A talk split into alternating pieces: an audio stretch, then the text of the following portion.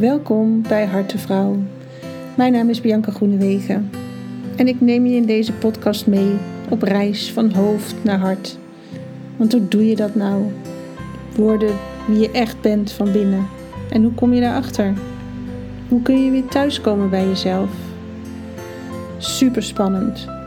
En dat is precies waarom ik deze podcast maak. Want ik geloof dat delen helpt om te helen. Je bent niet alleen. Ik vertel de echte verhalen, de successen die mensen geboekt hebben, maar ook de strijd onderweg. Want niemand is hier van de een op de andere dag gekomen. En ik hoop dat de gasten die ik interview jou inspireren om ook op zoek te gaan naar jouw sleutels. Zodat jij jouw reis maakt van hoofd naar hart. Die sprong van angst naar liefde. Ga je mee?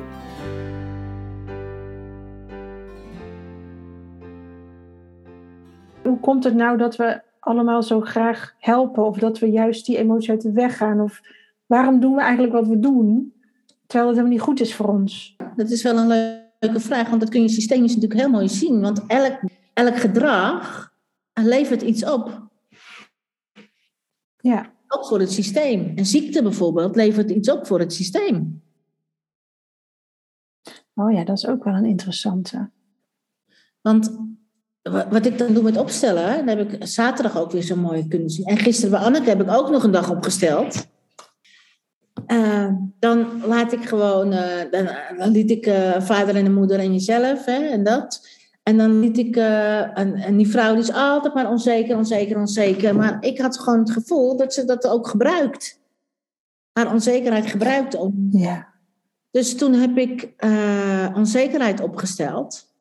En toen zag je dus een hele andere dynamiek. En dan zag je dat zij door onzeker te zijn aandacht van hun ouders kreeg. Ja. Die ouders bij onzekerheid staan. Ja, want het onzekere stuk willen ze wel helpen. Ja. Ja, ja, ja. ja. Dus dat levert iets op. Dus dat ga je Ja. natuurlijk niet opgeven. En als je doorkrijgt dat het iets oplevert. En dat als je het opgeeft, dat je dan veel lekkerder in je vel zit.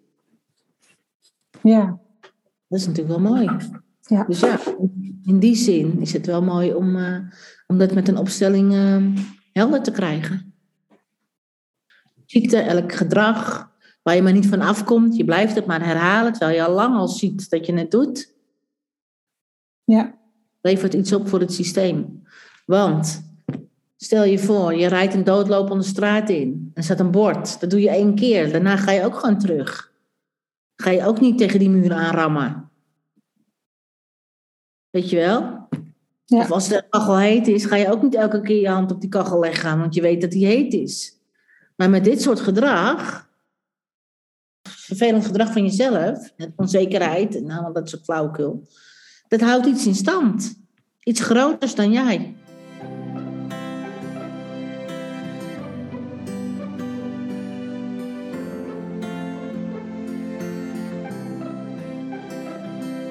Deze week weer een opname met Sonja.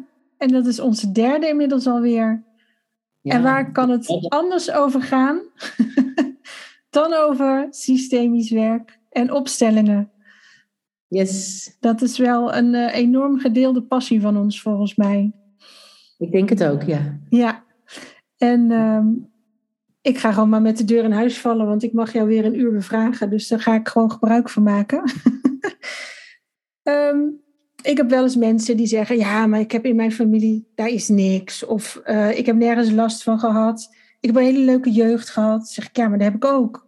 Hartstikke leuke jeugd gehad. Ik heb super lieve ouders. Ehm, er zijn geen hele grote thema's die per se aan de oppervlakte zijn geweest eh, ehm, tijdens dat ik eh, opgroeide.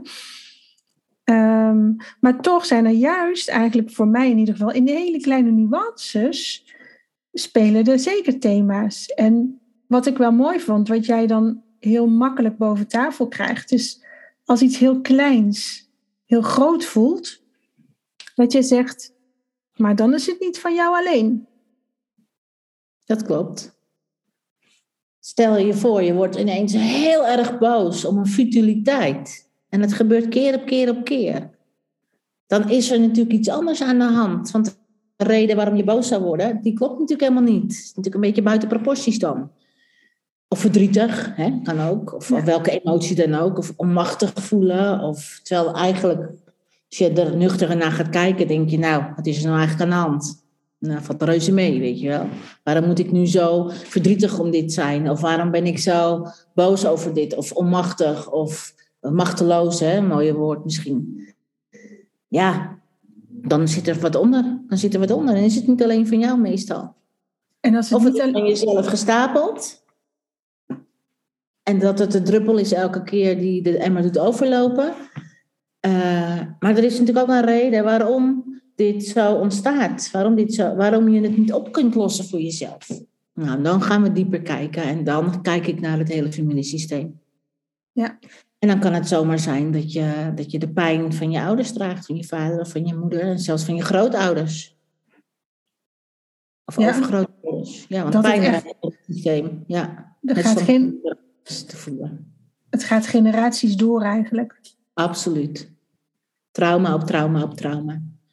En vaak zie je um, dat uh, uh, als iemand bijvoorbeeld uh, heel erg streng is opgevoed, dan zie je een generatie daarna, de kinderen die zo streng zijn opgevoed, die zie je dan vaak hun eigen kinderen weer veel te loslaten.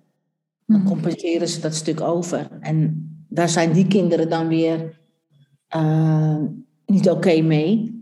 Want een beetje grenzen zijn, is ook wel handig. is ook wel handig als je als kind nee leert, bijvoorbeeld. En dan gaan zij, hun kinderen, weer, het weer anders doen. En dat is aan zich natuurlijk ook heel mooi. Want dan doe je niet wat jou is aangedaan, of hè, zo voelt het vaak. Het is mij aangedaan. Ehm, maar dan doe je.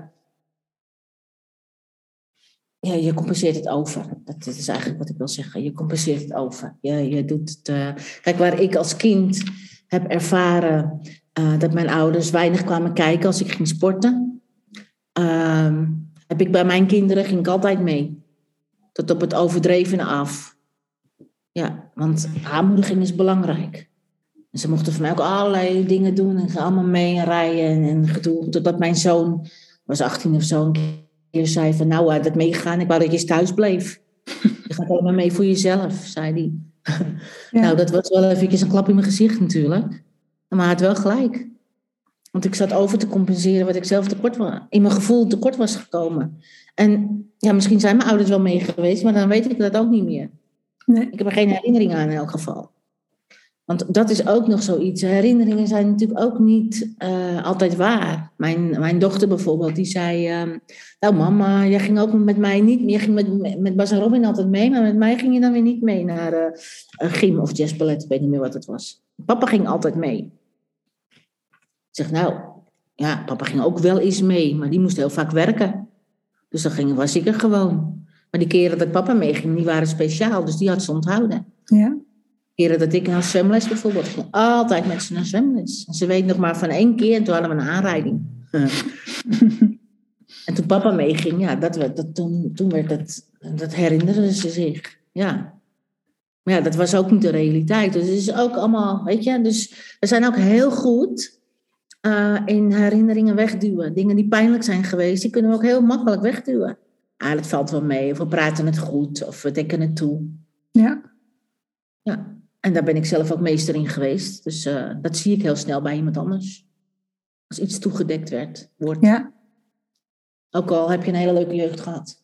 Maakt niks uit, want je ouders die hebben ook zo hun pijntjes als kind ervaren in hun gezin. Ja. En hun ouders die komen misschien ook wel uit oorlogssituatie of de Tweede Wereldoorlog. Of uh, ik, de laatste tijd komt heel veel weer uh, uit Jappenkamp, Indonesië naar boven. ja, en dat reist. En, dat, en, mensen moeten natuurlijk hun pijn wegduwen want, om te overleven. Ik bedoel, ja. je kan niet altijd maar in je drama blijven hangen. Dat is ook goed. Alleen niet alles is altijd verwerkt. En dat stuk, dat reist door het systeem. Dat wordt gewoon energetisch en genetisch doorgegeven.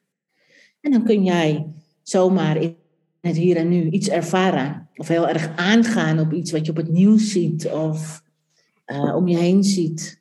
Waarvan je denkt, nou wat een onzin. Het gebeurt mij toch niet? En dan komt het wel uit het systeem. Ja.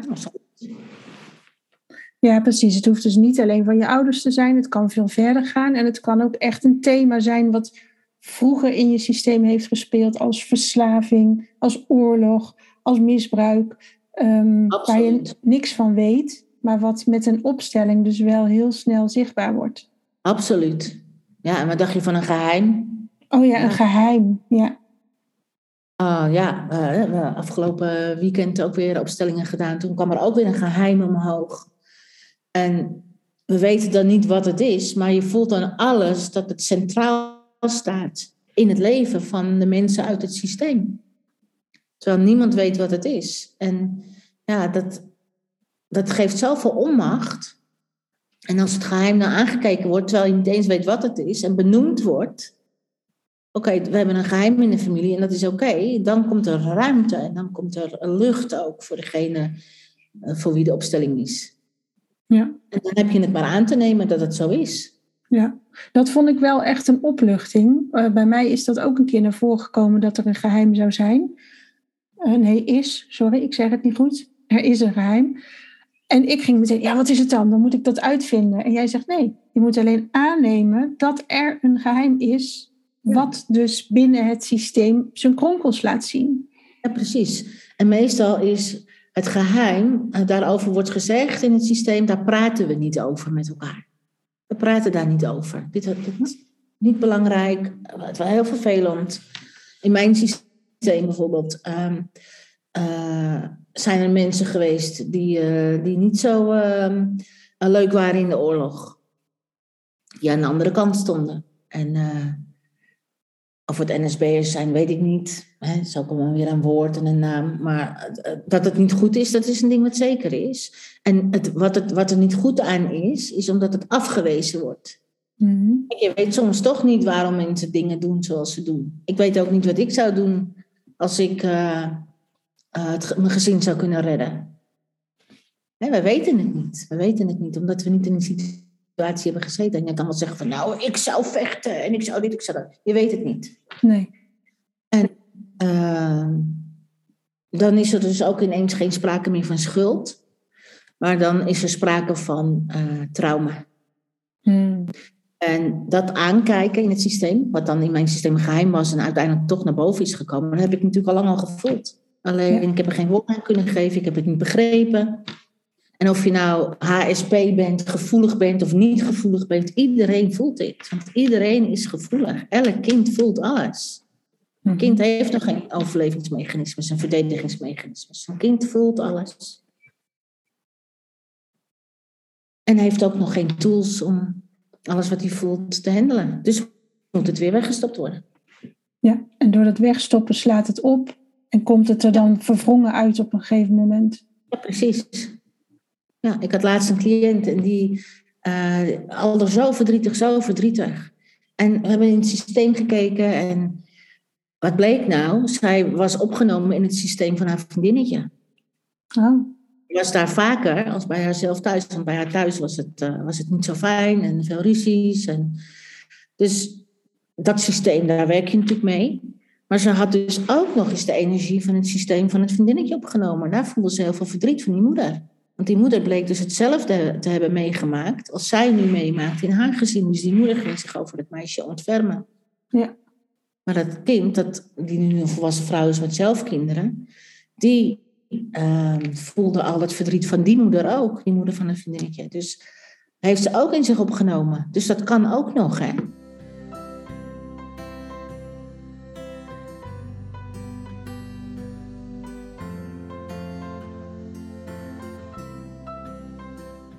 En je hoeft er niet naar op zoek te gaan. Dat wil ik er ook wel even bij zeggen. Want ik had gisteren ook weer opstelling uh, waar iemand zei van, nou, ik wil het wel even onderzoeken hoe dat allemaal met mijn moeder zit.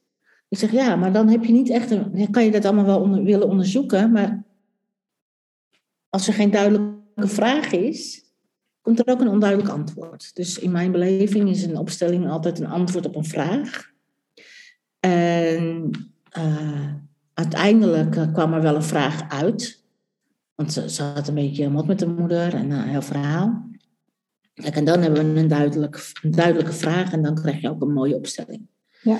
Dus ga het niet opzoeken. Je hoeft het niet op te zoeken. Maar op het moment dat je geraakt wordt, op het moment dat er iets gebeurt met jou, dat je niet meer in de flow zit, niet met z'n lang bent, niet meer oké voelt met jezelf of ineens slecht slaapt, of, nou, dan is er iets wat omhoog komt en wat op dat moment gezien wil worden. En dan ben je vroeg zat. Wat goed gaat, blijven we af, zeg ik altijd. Ja, precies. Niet gaan Dus- zoeken naar problemen. Te zoeken, nee, is helemaal niet nodig. Nee. Dat heb ik vijf jaar lang gedaan. Dus dat bespaar ik je dan. Door de verhaal te vertellen. Want dat werkt niet.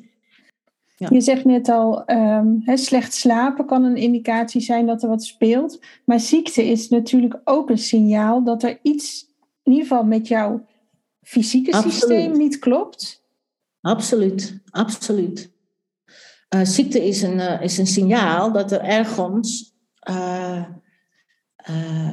iets niet stroomt of iets duidelijk wil maken. Of, ja, ik vind dat altijd een beetje lastig uit te leggen. Sommige mensen die zeggen dan ook weer, nou als je ziek bent dan ga je je proces niet aan of dan heb je niet gekeken. Of, nee, ik denk dat ziekte ook ehm, vaak een oplossing voor iets is. Dus ziekte is niet per se slecht. Uh, wat, ik, wat ik wel zie in uh, systemen is. Um, uh, stel je voor dat je als kind weinig aandacht krijgt. Maar als je ziek bent, dan is je moeder er voor je. Dan mag je thuis blijven, lekker met een dekentje op de bank. Dan word je vertroeteld, dan word je gezien. Dan is alles, en als je dan weer beter bent, dan, dan word je weer losgelaten, zeg maar. Dan kan je het weer zelf uitzoeken. En als jij dan het gevoel krijgt dat je niet ondersteund bent, dan kun je zomaar ziekte inzetten om toch die aandacht te krijgen. En dit is een heel globaal voorbeeldje.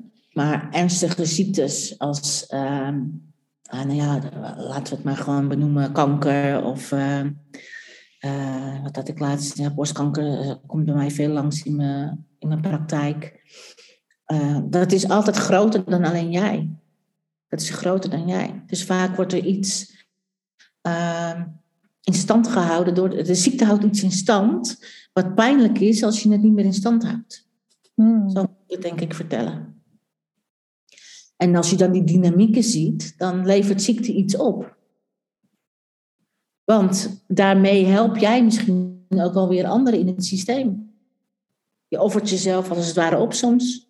Zou allemaal kunnen. Er kunnen zoveel uh, dynamieken spelen. Dus ik ben altijd heel voorzichtig met benoemen van, uh, nou, uh, laat ik eens even het boek, dikke boek van Christiane Beerland erbij pakken. En eens even kijken wat, is, waar, waar, deze ziekte voor staat. Ja. ja, altijd uit verbinding met jezelf, omdat iets pijnlijk is. Maar het kan ook pijn, pijn zijn uit het systeem. En dat Ja. is veel vaker het geval. Want je hebt niks fout gedaan, maar in het systeem is ook niks fout. Dingen zijn pijnlijk of niet. Alles komt voort uit trauma. En ik heb net uh, gekeken naar, uh, naar weer een film uh, met, van Cabo Maté, een hele mooie trauma, traumatherapeut, die internationaal ook werkt, en mooie films heeft gemaakt. En hij stelt zelfs dat um, je weerstand gelijk staat aan je emotionele kant, zeg maar. Je emotionele zijn staat gelijk aan je immuunsysteem. Dat woord zocht ik. Hmm. Dus je, je, je emotionele systeem staat gelijk aan je immuunsysteem. Dus hij stelt dat zelfs. En dat gaat over generaties heen. Ja. Ja, vond ik heel mooi dat hij dat zo zei. Uh, want we krijgen eigenlijk niet aangereikt over het algemeen hoe je met emoties moet omgaan. Nee. En je hoeft, er verteren. ja, je hoeft er niet mee om te gaan. Eigenlijk mag je het gewoon laten. Maar als klein kind word je overspoeld door die emoties die je voelt bij anderen, van jezelf. Ja, als je even valt en je schrikt naar drama. En nee, meestal moet je stoppen met huilen of word je getroost, dan mag je niet uithuilen. Dus halverwege slikken we het dan weer in. Nou, dat zijn dan de niet gehuilde tranen, noem ik ze. Ja. Ja. ja, dat is grappig. We hadden het volgens mij ook daar de laatste keer inderdaad over. Hè? Troost niet, maar ben er gewoon. Dus vang iemand op. Maar ga niet aaien, ga niet sussen of Nee. eh, dat. En ehm, volgens mij vorige week of zo, toen eh, ging ik voor de verandering weer eens even uit mijn panty. En hè, mijn thema daar, van dat weekend daarvoor was boosheid. Dus ik dacht ook, nou, ik laat hem gewoon even door me heen gaan. En meteen mijn man, nou, uh, rustig, ik zal het zo wel doen. En dat ik dacht, nee, ik ben hier gewoon even boos over. En toen dacht ik, ja, dit is het patroon waar ik in zit. Dat was vroeger ook zo. Boosheid is een delijke emotie natuurlijk. Ja. Um, dus liever niet. En dan werd hij uh, gemoffeld, gesust. En nou, nou, nou, nou, nou, het hoeft niet zoveel. En ik zag het nu bij mijn partner ook weer terug. Dat ik dacht, oh, dit is grappig. Ja, ik zie het.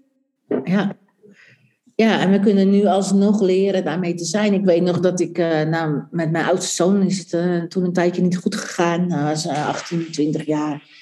En eh, ook met verslavingsproblematiek te maken had. En ehm, ik werd zo boos op hem. Ik vloog hem toch aan, jongen. Echt, ik, ik denk, ik vermoord je. Echt, die neiging had ik echt. En mijn man moest me van hem aftrekken, want ik, ik, ik viel hem echt aan, fysiek gewoon. Nou heb ik niet zoveel uh, te winnen, want hij is twee koppen groter, maar ik deed het wel. En hij, hij kwaad weg. Hij schrok ook van mij, denk ik. Hij heel kwaad weg, deuren slaan en uh, weg, weg was hij. En ik huilen natuurlijk, want je wil je kind eigenlijk helemaal niet slaan. Maar ik deed het wel. Ik deed het wel. Dus ja, ik snap wel als mensen uh, uit een plaat gaan naar een kind. En toen dacht ik, ja, maar oké, wat doe ik nu eigenlijk? Ik val aan, dus wat is nodig? Wat is, hoe kan ik ervoor zorgen dat het niet gebeurt? Dat ik daar, uh, dat ik, toen dacht ik, ik moet een tegenbeweging maken. Dus mijn opstellingen, die gaan ook altijd over de tegenbeweging. Alles heeft een donkere en een lichte kant. Alles heeft twee kanten, zeg maar. De tegenbeweging noem ik het. Dus in plaats van dat ik aanval naar voren, stap ik naar achteren als ik weer zo boos word. Want dat heb ik geoefend voor de spiegel. En dan, uh, het was in een tijd dat, uh, nou ja, het voelde allemaal niet zo fijn. En met mijn zoon niet. En dan ben je een beetje, maak je je zorgen en ongerust. En dan, ja, dan kan ik best wel snel boos worden. Wat dan weer niet mag. En dan zeg, krijg je weer zelfafwijzing. Nou, hup, cirkelt je weer rond. En toen heb ik geoefend voor de spiegel. Dus als er iemand ook maar eventjes vervelend deed, dat was natuurlijk mijn spiegel, snap ik nu ook wel, maar dan kon ik wel oefenen in, oké, ik stap naar achteren. Ik ga eens niet doen in plaats van aanvallen. Ik stap naar achteren. En nou ja, twee weken later of zo, toen gebeurde eigenlijk een beetje dezelfde situatie. En ik word weer zo boos op die gast, jongen. Ik voel het gewoon uit mijn omhoog komen. En ik ben naar achteren gestapt, ik heb mijn ogen dicht gedaan en ik heb gezegd, ik ben boos en het geeft niet. En ik voelde zo dat het helemaal door mijn lijf heen gaan. En ik kon blijven staan. Ik kon het eigenlijk wel dragen, ik kon het handelen. En het geeft niet dat ik boos ben, het is oké. Ik ben boos. En die zoon van mij, jongen, die staat me aan te kijken. Die denkt, nou, die moeder van mij die is gek geworden. Dat mensen hoort echt niet. Hij weg. En hij, en hij was weg en dan deed ik mijn ogen weer open. En ik voelde me zo opgelucht. Hmm. Het was zo'n fijn gevoel. Ik was voor het eerst dat ik daar verantwoordelijkheid voor kon nemen. Überhaupt voor een emotie. Door het gewoon helemaal te laten zijn en niet reactief te worden. Maar respons te geven op mijn gevoel in mijn lijf. En dat leren we niet als kind. Nee. Dat nee. veertigste. Je, je geeft respons op je lijf naar binnen. In plaats van respons naar de wereld, omdat je niet wil dat je je zo voelt. Ja. Nee, de respons op je lijf naar binnen vind ik iets anders als een reactie naar de buitenwereld. Want je reageert, dus je ageert tegen. Dus je wil niet dat het gebeurt, terwijl het al gebeurt. Ja. ja. Dus dat, dat voelt net even anders. Ja, dat dus is een je reageert of je geeft respons op jezelf. En het was de allereerste keer dat, dat, dat ik daar bewust van werd. En nou ja, dat, dat, ook, dat ik dat kon. Nou, dat was echt een overwinning. En daarna moest ik natuurlijk ook weer heel hard huilen. Want ja, dat zit, alles wat opgekropt was, kwam er even goed nog uit. En bij mij is dat met huilen. Sommige mensen gaan trillen. Sommige mensen moeten even gooien met wat. Of een kussen pakken, dat je op de bank ramt. Dat is ook prima. Maar je gaat niet andere mensen erop aanvallen, want het is van jou. En dat was de eerste keer dat het kon. Nou, wat denk je? Een paar uur later staat hij, staat hij toch weer op de stoep. Ik denk, nou, die zie ik twee dagen niet terug, weet je wel. Dat was heel normaal. En toen stond hij op de stoep met een bos bloemen. Sorry, mam. Hm. Je bent geen kutmoeder. Want dat had hij gezegd. namelijk.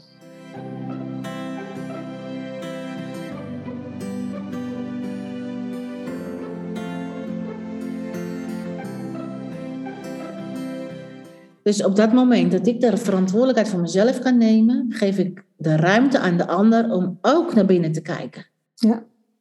Want als ik met mijn energie in de ander ben, krijgt die ander geen ruimte, behalve om zich te verdedigen.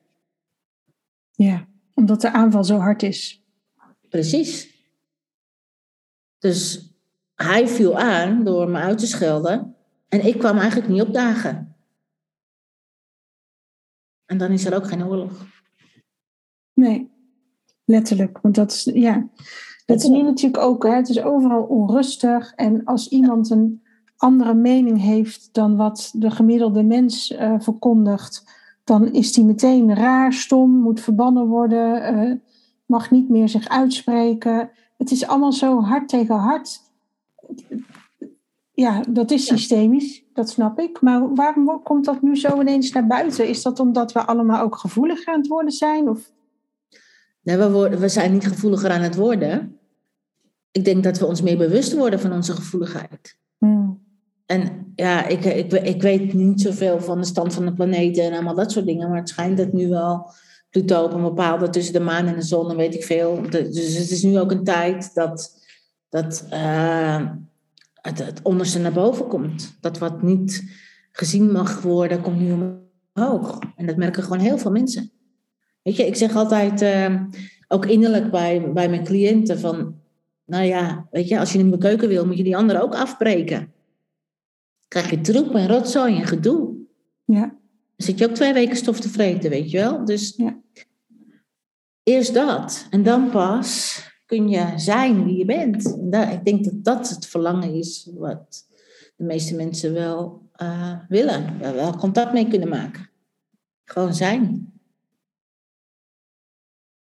Ja. Want als mensen zeggen tegen mij, ja, ik wil vrijheid. Ik wil vrijheid voelen. Nou, ga dan eerst je onvrijheid maar eens aannemen. Hmm. En dat komt in een opstelling altijd heel mooi naar voren. Want je, je zet jezelf vast. Je bent zelf. En trouwens, wat is vrijheid? Je, alsof je van de planeet af kan. Je zit toch vast op je plek. Ik bedoel, eh, zo makkelijk is het ook. Je hebt Ja, het maar te doen met deze aardbol. Dat is wel een goeie wat je zegt. Want ik heb ook altijd wel vrijheid is wel een van mijn belangrijke waarden of zo. Hm. Maar wat je zegt, je moet ook je onvrijheid aannemen. Ja, ik heb ook gewoon wel dingen waar ik niet voor weg kan en wil lopen. Dus daarin ben je niet vrij.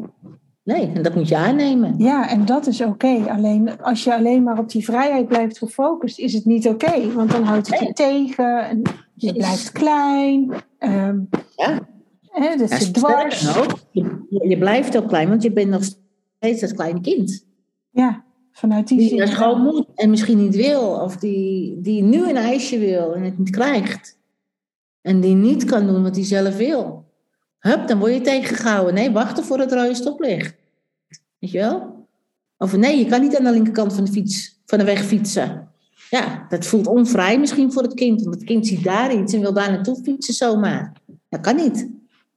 Dus je bent aan alle kanten al onvrij. Alsof je ooit vrij bent geweest. Dat is echt onzin. Maar het punt is dat we als klein kind vaak geen nee kunnen horen. We kunnen geen nee horen. Nee. Dus dan zoeken we altijd naar manieren om, om de ja te voelen. Ja, ik ga doen wat ik zelf wil. Ik, eh, je bent al hartstikke onvrij. Eigenlijk. En als je dat kunt aannemen en ten diepste kunt beseffen, dan is vrijheid niet eens een waarde meer. Want dan voel je je vrij, want dan ben je uit die dualiteit van Ja, vrijheid dus- vrijheid. Dan speelt het gewoon niet. Dan speelt het niet. Dat geldt denk ik eigenlijk voor alles. Ja, Hè? klopt. Ja, ik denk het wel. Ja. Dus dan zijn er misschien geen waarden meer, behalve voor mij dan nu. Misschien verandert dat ook nog, weet ik ook niet. Gewoon zijn. Ja. En dan eh, als ik gewoon ben, dan heb je heel gauw in de gaten wanneer ik mezelf zit te verloochenen. En, en dat zie ik steeds sneller. En dat heeft niks te maken met ik heb een goede jeugd gehad, geen goede jeugd gehad. Dat, dat hebben we allemaal, dat hebben we allemaal. We hebben allemaal iets opgepikt uit ons systeem en uit onze familie. Elk, elk systeem heeft een bepaalde waarde. In mijn systeem is, we praten nergens over. Dat is er één. Ja, we dekken het toe met de mantel der liefde. Ja. Wat gebeurt er, hè? Dus ja. Dus als je naar je eigen systeem gaat kijken, vind ik altijd wel een mooie oefening ook. Om gewoon, je kijkt naar je systeem en dan zie je voor je, zie je je ouders staan. En je broers en je zussen, als je die hebt naast je staan. Jij in, uh, op de juiste plaats in je kinderrij. En dan zie je daarachter je, zie je, je ouders, je grootouders, dat zijn er vier. En dan zie je overgrootouders, dan heb je er acht. 16, 32, 4, zoveel mensen. Al die mensen, daar ben jij uit geboren uiteindelijk. Dus al die mensen, omdat die er zijn, ben jij er ook.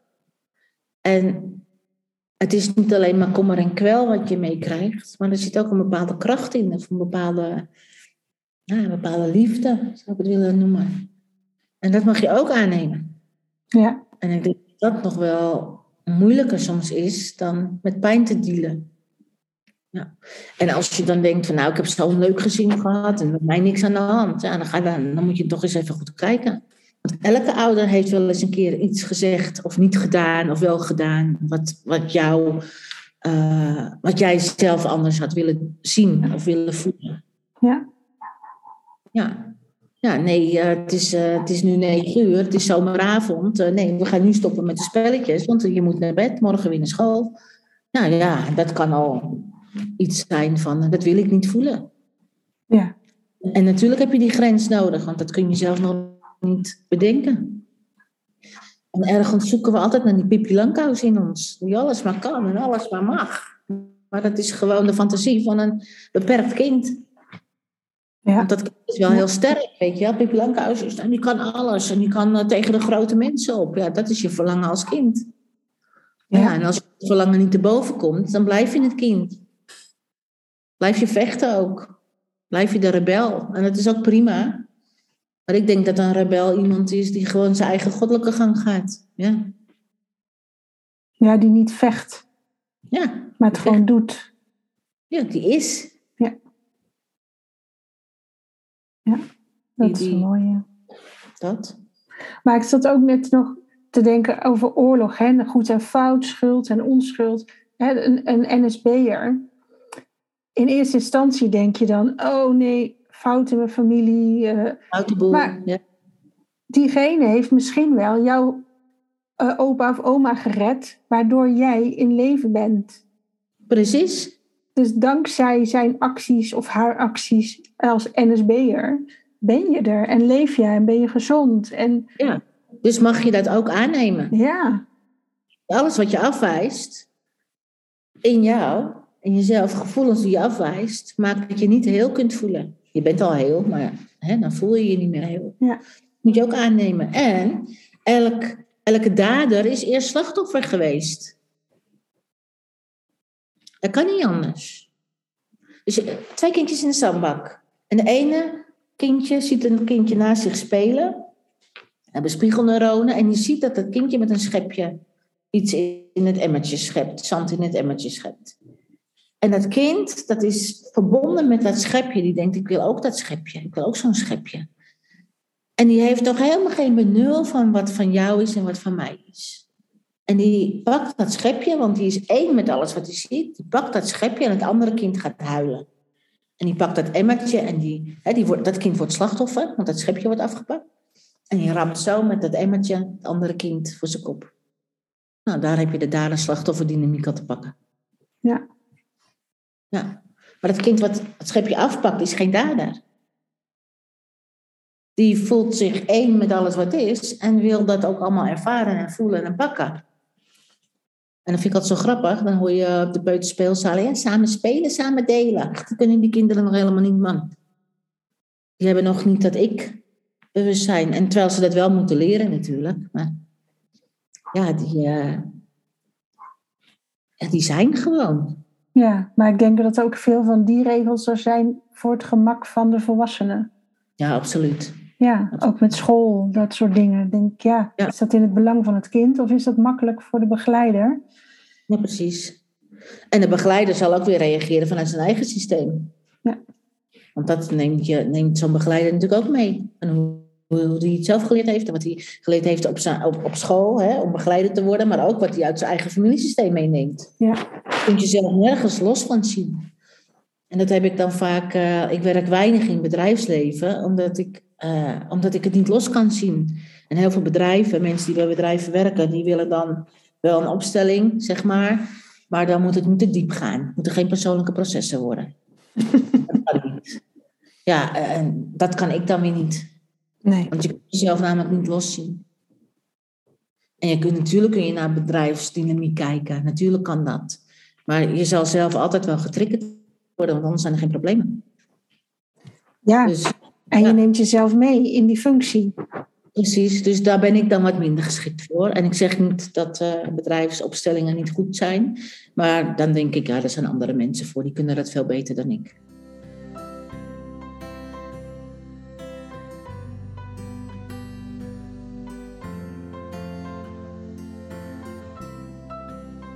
Maar ook daarin neem je jezelf mee. En, en een directeur van een bedrijf bijvoorbeeld, die neemt zijn dynamiek mee het hele bedrijf in. Mhm.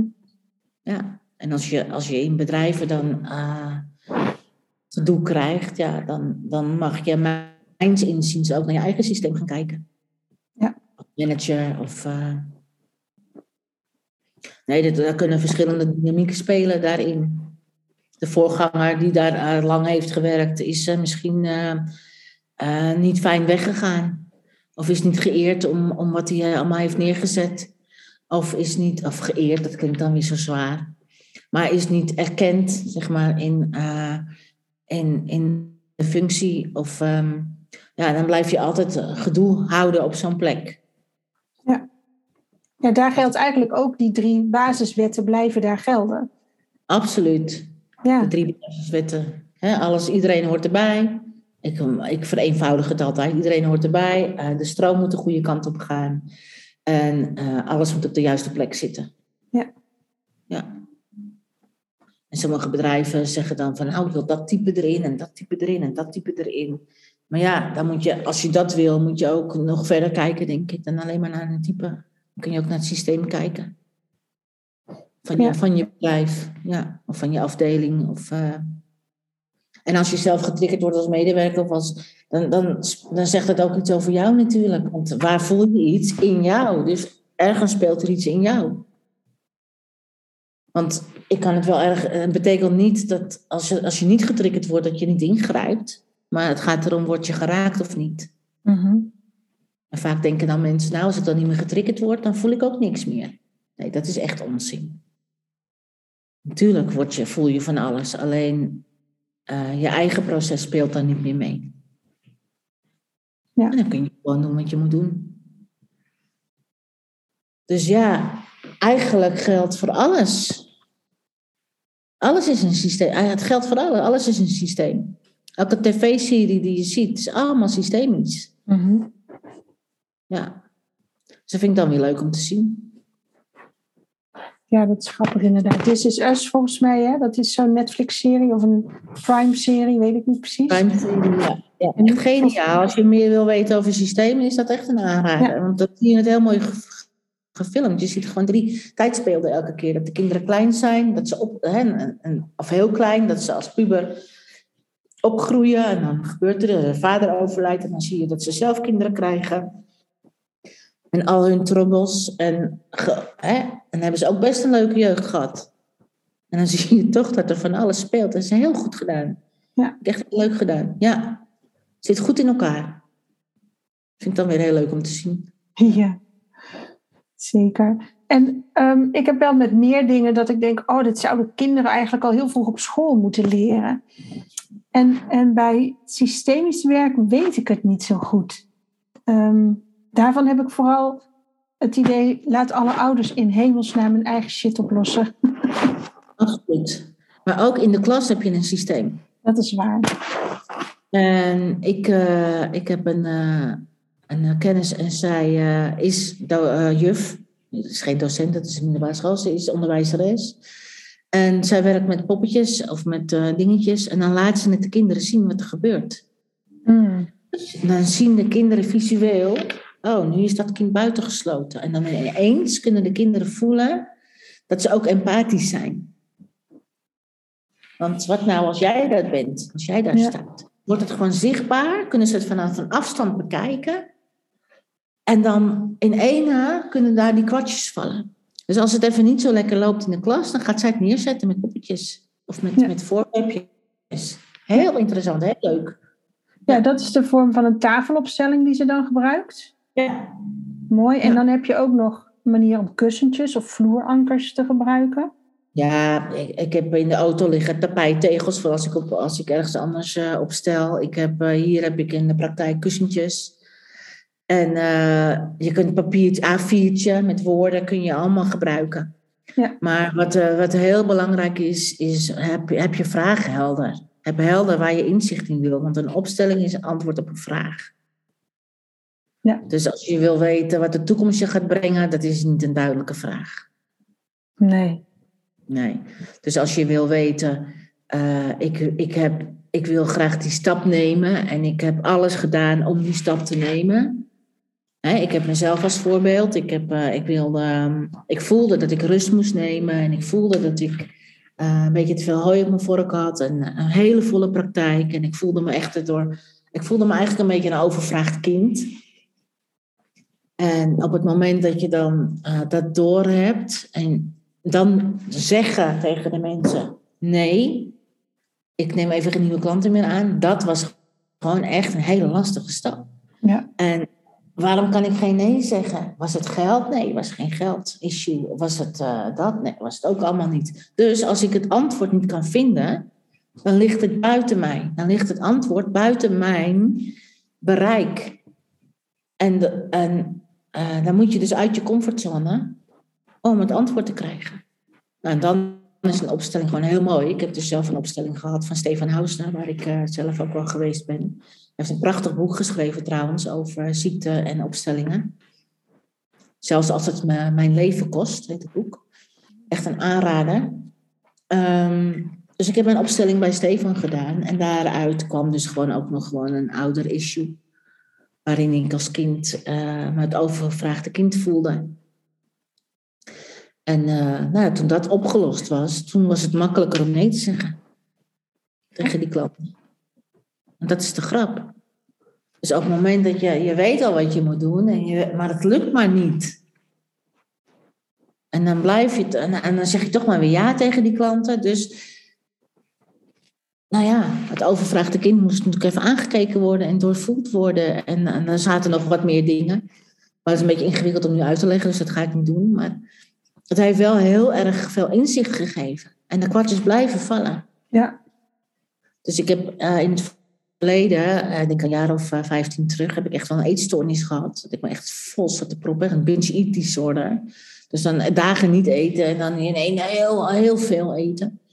En ik heb eigenlijk wel gezien dat, uh, dat ik zoveel eet omdat ik moe, moe was. Maar ik mocht die vermoeidheid niet voelen, want dat, in mijn systeem werk je hard. Ja. En vermoeidheid is een teken van zwakte. Dus dat wil je niet voelen. En door te eten krijg je weer een beetje energie. Denk je dan, of tenminste, dat is dan de beweging die je maakt. Dat denk je niet eens, maar dat is het gevoel. En dan, dan moet je eten. Maar ja, je wil ook weer niet dik worden, dus dan kom je in allemaal, allemaal die, die dynamieken en al die, die gedachtenspinsels en gedoe. En dat is vreselijk. Dus door deze opstelling nu te doen, heb ik dus ervaren en gezien en ingezien dat dat ermee te maken had, de vermoeidheid niet mogen voelen. Nou, nu mag ik mijn vermoeidheid voelen. En fijn is het niet. Maar ik kan het nog steeds dragen. Dus dan heb je een periode dat je lekker vroeg gaat slapen. En dat je, ik kan nu dus nee tegen klanten zeggen. En ik doe nog maar één dag in de week uh, mijn cliënten. En geen nieuwe. En ik doe wel de dingen die ik leuk vind. Dus dat zijn mijn opstellingen dagen. En uh, één op één vind ik ook leuk hoor. Maar het kost me dan op dit moment te veel energie. Tessel, allemaal leuke dingen. Dus ook met opstellingen. Dus ja, dat is dan uh, wat er dan zichtbaar kan worden. Ja, als je zelf bewust die keuze niet kan maken. Precies. Je wil iets, het lukt niet. Ja, en dan word je getriggerd. Ja. Ja, en leg je dan erbij neer of uh, blijf je maar doorgaan tot je echt niet meer kan, tot je een burn-out hebt? Hm. Of, of ga je het onderzoeken? Dat is de vraag, denk ik.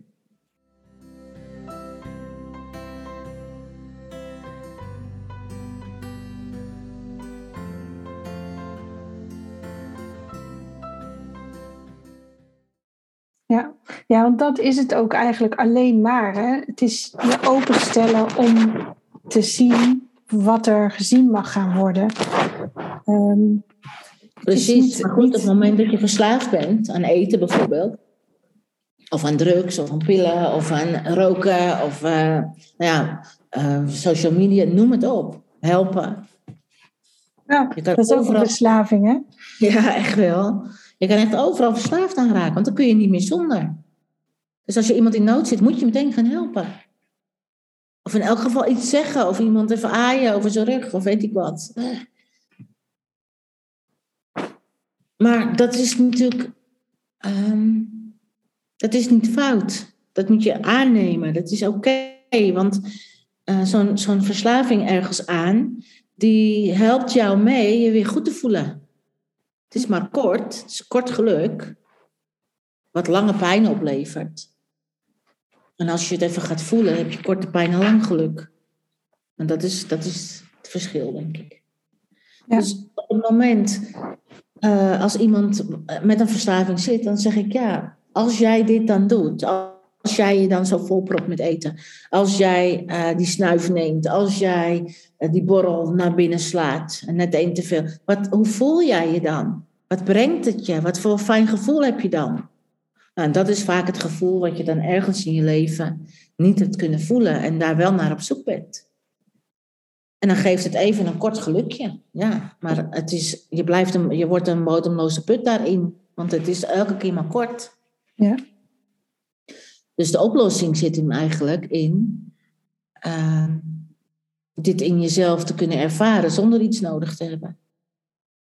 Dus nu mag ik de vermoeidheid ervaren zonder dat ik uh, het toe moet dekken, het, weg moet krijgen. Het hoeft niet meer weg. En weet je, je kunt je eigen pijn ook gewoon het beste dragen. Of je eigen vermoeidheid of je eigen rotgevoel. Kun je gewoon het beste dragen. Dat kan je prima. Alleen als klein kind ben je erdoor overspoeld. En heb je geen tools om daarmee te dealen. En die hebben we ook niet van onze ouders geleerd, want zij hadden ze ook niet. Dus zo wordt alles weggelachen, weggegeten, weggezwegen. Ja, gezorgd. Weggezorgd, noem het op. Noem het op. Ja. Ja, dat valt me ook wel op.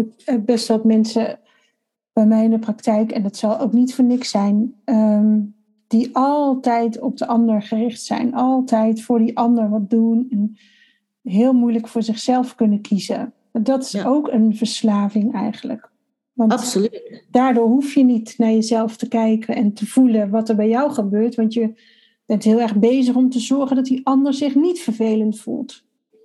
Precies. En dat is dan weer vaak een patroon uit je, uit je jeugd. Want dat heb je gedaan voor je ouders. En dan sta je boven en dan kun je niet meer ontvangen. Hè? Dan gaat de stroom de verkeerde kant op. Dan ben je alleen maar aan het geven. En je kunt niet ontvangen. Want je, wat je ontvangen hebt van je ouders, dat wil je niet meer voelen. Ja. Dus ga je alleen nog maar geven. ik zeg dan dat je bent dan als het ware de berg opgeklommen. Je hebt moeite gedaan om heel dicht bij je ouders te komen. En je krijgt maar nog steeds niet wat je nodig hebt. En dan klim je nog verder de berg op en dan ga jij wel even zeggen wat zij moeten doen. Dan ga je zorgen. Dan ga je aanpassen. En dan, ja, en dan, en dan, ja, dan sta je erboven als het ware. Ja. En ja, dat, dat doet jou geen goed, want je kan niet meer ontvangen. Nee, precies. En we ontvangen ook niet dat wat er wel is. Um, dat zeg je ook altijd heel mooi, dat je die vorm van liefde, mag ontvangen die er wel was. Ook al vind jij dat het op een hele andere manier had gemoeten, die was er niet. Nee. ik zeg altijd, ik neem, ik neem de manier van liefde van mijn ouders aan. Zelfs als dat iets is wat ik niet nodig heb. Ja. Zelfs dan neem ik het aan. Ja. Mijn moeder, hè, een schat van een moeder, heel erg zorgzaam. Zat ook in de zorg. eh bejaardenverzorgster, dus echt zo zorgzaam. Maar zij heeft ook, eh, eh, nou ja, ze, ze wil graag dat alles netjes en schoon is. En eh, nou, op een gegeven moment kwam ze hier binnen. Nou, kindje mag echt je ramen wel eens lappen. Waarop ik in de, in de, in de anker schoot van, ja, mama moet je er niet mee, mijn ramen. En, eh. En dan schrijf je weer terug, ja, naar je klanten. En dan kan je het er niet maken en het ziet er niet uit. En, eh. Totdat ik ontdekte dat het haar manier van liefde is. Want zij kan er niet tegen als het smerig is. Zij kan het gevoel van vies niet verdragen. Komt uit haar jeugd. Maar ze kan het niet verdragen. En dat wil ze voor mij voorkomen. Dus zij ziet vieze ramen, zij voelt vies en wil mij daarvoor behoeden. En dat doet ze op een manier die misschien niet zo aardig is. Ja. Maar ook weer lief. Maar eigenlijk is het een verwrongen manier van liefde. Ja. Het is zo lief. Oh, wat lief, mam. Wat goed. Zullen we even koffie drinken nu? Ik zie het, die ramen zijn vies, dankjewel. Want ik dacht altijd, ja, zie je wel, doet weer niet goed in de ogen van mijn moeder. Maar dat was helemaal niet zo. Doet het prima in de ogen van mijn moeder. Alleen, ja, die vieze ramen kan zij niet handelen. Ik wel. Nou ja, prima. Dus ik neem haar manier van liefde aan. Nou, wat lief dat je dat ziet, dat je zo zorgzaam bent. Ja. En dat leren ontvangen, dat is al een hele uitdaging. Ja, dat is een hele uitdaging. Ja, absoluut. Totdat je het ziet. En als je het ziet, snap je het, dan heb je begrip. En dan komt er compassie. Ik herken het wel met mijn schoonmoeder, die ging altijd mijn tuin doen. En dat ik Oh dacht, ja. nou ja, jeetje, zo slecht heb ik het nou ook weer niet gedaan hoor. En eh, Ja. We voelen ons meteen aangevallen. zeker, heel erg. Ja, Nou, wat lief. Ze doet niks liever dan tuinieren waarschijnlijk. ja klopt. En dan Ja. zorgt ze voor je. Ja, En die zorg willen we dan niet aannemen. nee. Dat het niet goed genoeg gedaan en niet goed Ja. genoeg zijn. Ja, Ja, ja, ja. kort schieten of eh, noem het op. Ja. Ja. Neem het gewoon aan. En Ja. zie niet alles als een aanval. Maar we zijn zo snel op ons teentjes getrapt. Echt niet normaal. Nou ja, en dat soort dingetjes, daar kan, daar kan best een hele lading systemische toestand onder zitten. Dus de moeite waard om aan te gaan kijken. Absoluut. Ik gun het iedereen. Ja, Als je het niet wil doen, eh, vind ik het ook prima, maar ik gun het echt iedereen. Ja. ja. Omdat je daarvan vrijkomt. Ook al is het, het is hartstikke spannend als je het voor het eerst gaat doen. En ja, er is ook altijd een mogelijkheid om eens eens te kijken. eh, hoe gaat dat nou? Maar ja, het is eigenlijk, eigenlijk gewoon niet uit te leggen hè, wat er gebeurt tijdens een opstelling. Dat moet je gewoon echt zelf ervaren. Hoe ik het uitleg is, iemand brengt een vraag in. En dan gaan we kijken wat we op, wie we, wat we op gaan stellen of wie we op gaan stellen. En dan eh, nemen die mensen een plek in de ruimte in. En dan gaat dat vanzelf bewegen. Hoe dat gebeurt, dat moet je mij ook niet vragen, maar het gebeurt. nee, het gebeurt gewoon. Ja, En dat klinkt heel raar als je het nog nooit ervaren hebt. Maar kom het maar ervaren dan. ja precies. Mooi hè? Ja, en hoe dat gebeurt, ja, hoe cares hoe het gebeurt? Het gebeurt. Ja. Mooi. En het mooie vind ik dat je verhaal erover wegvalt. En dat je de dynamieken die eronder liggen, de onderstroom, wordt zo zichtbaar. Ja. Ja. Ja. En als je het zelf had kunnen zien, had je het wel opgelost. Of als een opstellingdag als die jij gaat doen, op 6 juni, ja, dan, dan helpen alle deelnemers helpen elkaar. Alleen al door aanwezig te zijn. En er ontstaat dan ook zo'n verbinding met elkaar. Dat is zo mooi. Want ja, je ziet ineens processen voor je neus verschijnen die voor jou ook heel herkenbaar zijn. Ja, ja, Dus ook al zou je niet meedoen, dan nog word je geraakt. Ik heb wel mensen die eh, zich opgeven voor een dag en zelf geen opstelling meer doen aan het einde van de dag, omdat ze alles al gezien hebben. Ja. Hun vraag is dus al beantwoord. Door representant te zijn, of resonant zeg ik tegenwoordig, vind ik fijner. Want we resoneren gewoon met alles en op iedereen. Dus eh, door resonant te zijn of door eh, aanwezig te zijn, want je resoneert toch wel mee, gebeurt er al van alles. Ja. Dus mocht je het heel lastig vinden om zo'n stap te nemen, kom dan gewoon een keer kijken. ja. Gewoon even aanhaken. Ja. Toeschouwer zijn, dan gebeurt er al genoeg. Precies. Ja. Ja, mooi. Leuk, Bianca. Ja. Nou, volgens mij zijn we weer rond voor vandaag. We alweer een uur verder? Ja, dat denk ik wel. Nou, Het verschrikkelijk. gaat snel, hè? Ja. Oeh. Ja, Nou, fijn. Fijn weer om hier eh, ja over te heel leuk om, eh, om weer, weer eventjes erover te hebben. En ehm, hopelijk ook andere mensen eh, enthousiast te maken. Ja, zeker. Om eens een opstellingendag mee te doen. Of een opleiding te doen. Of, ja. Ja, mooi. Wanneer begint bij jou de opleiding weer? In september? September weer. Ja, nog maar twee, twee plaatsjes over. En dan in januari weer. Maar Ja. die datum moet ik nog plannen. En ik heb elke maand opstellingendagen. En jij hebt Ja. opstellingendagen. Ja. En, eh, en wie weet wat wij samen nog... eh, Who knows? Who knows? We hebben het, het universum ingegooid, dus er komt vast iets leuks uit. Ja, Absoluut, ja. gaaf. Leuk. Nou, mooi. Dankjewel, lieve Sonja. Dank jij wel, lieve Bianca. Yes. Eh, mocht ik je niet meer spreken, een hele mooie opstellingendag. Want je bent een topper. Wil ik Ja. ook wel even zeggen. Jij interviewt mij natuurlijk. Maar jij zelf eh, ziet ook, eh, doorziet de dingen ook heel snel en mooi. Dus eh, een geweldige opsteller ben je. Kan niet anders zeggen. Dus dat Nou, ik dat probeer ik dan maar nu te ontvangen en aan te nemen. gewoon doen. ik zou het gewoon doen. Ja. Ja, dankjewel.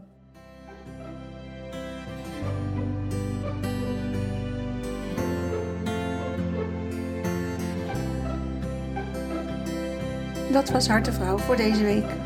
Fijn dat je erbij was. Abonneer je op deze podcast, dan mis je geen enkele aflevering meer. Je kunt me ook volgen op Facebook of Instagram. Zoek dan op Bianca Groenewegen Coach. Dan kom je vanzelf bij mij uit. En ben je klaar om zelf op avontuur te gaan? Voor die sprong van angst naar liefde? Van hoofd naar hart? Stuur dan een mailtje naar contact.biancagroenewegen.nl We gaan samen kijken welk pad bij jou past. Hopelijk ben je er volgende week weer bij. Spreek je dan. En niet vergeten jij bent perfect, precies zoals je bent.